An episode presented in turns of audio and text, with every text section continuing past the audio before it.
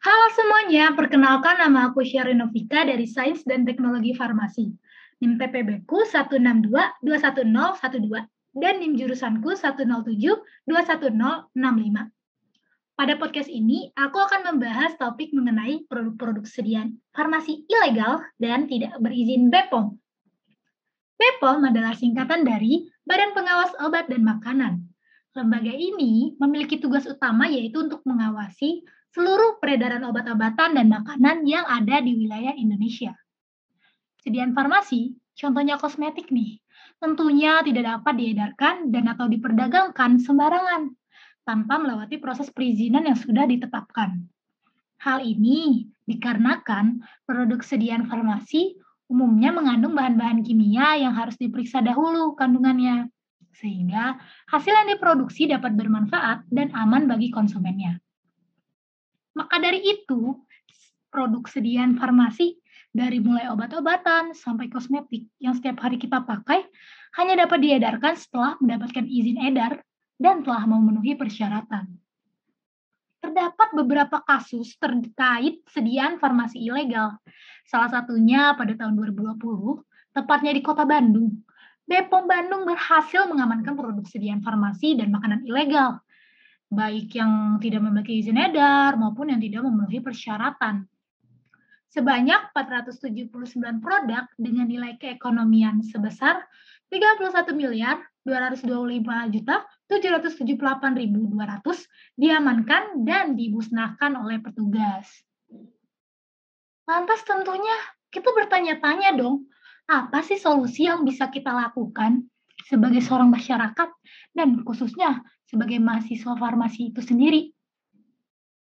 Sebagai seorang masyarakat, kita harus ikut serta untuk memberikan kontribusi kita untuk mengawasi peredaran produk sediaan farmasi di sekitar kita sesuai dengan kemampuan yang kita punya. Kita dapat melakukan pengawasan post-market. Pengawasan ini dilakukan masyarakat secara langsung, seperti ikut mengawasi peredaran produk di lapangan, pendistribusian produk, dan penjualan produk. Jadi kita memeriksa nih, kita periksa dan kita awasi bagaimana sih keadaan-keadaan produk yang beredar di masyarakat. Dan kita juga sebisa mungkin berhati-hati dan tidak ikut serta untuk membeli produk yang masih dikatakan abu-abu, belum jelas izin edar dan kandungannya. Sebagai mahasiswa farmasi, kita dapat menyebarluaskan informasi terkait sediaan farmasi yang berbahaya sesuai dengan ilmu kefarmasian yang kita punya.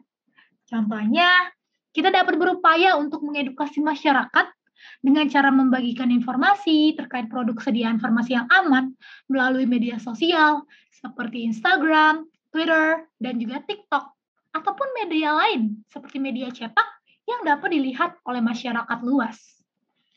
Ketika jangkauan penyebaran informasi mengenai sediaan farmasi yang aman dan yang berbahaya dapat dilihat oleh orang yang lebih banyak, otomatis nih orang-orang yang melakukan pengawasan dan mengamati peredaran produk sediaan farmasi di lapangan juga menjadi lebih banyak juga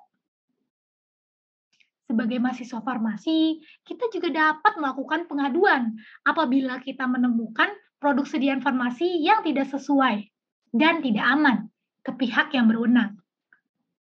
Intinya, kita dapat berperan untuk melindungi masyarakat dari bahaya produk sediaan farmasi ilegal dan tidak berizin BPOM sesuai dengan peran dan juga kemampuan yang kita miliki dengan lebih berhati-hati dalam mengonsumsi dan juga membeli produk sediaan farmasi di lapangan dan membagikan seluruh informasi serta ilmu yang kita punya ke orang lain.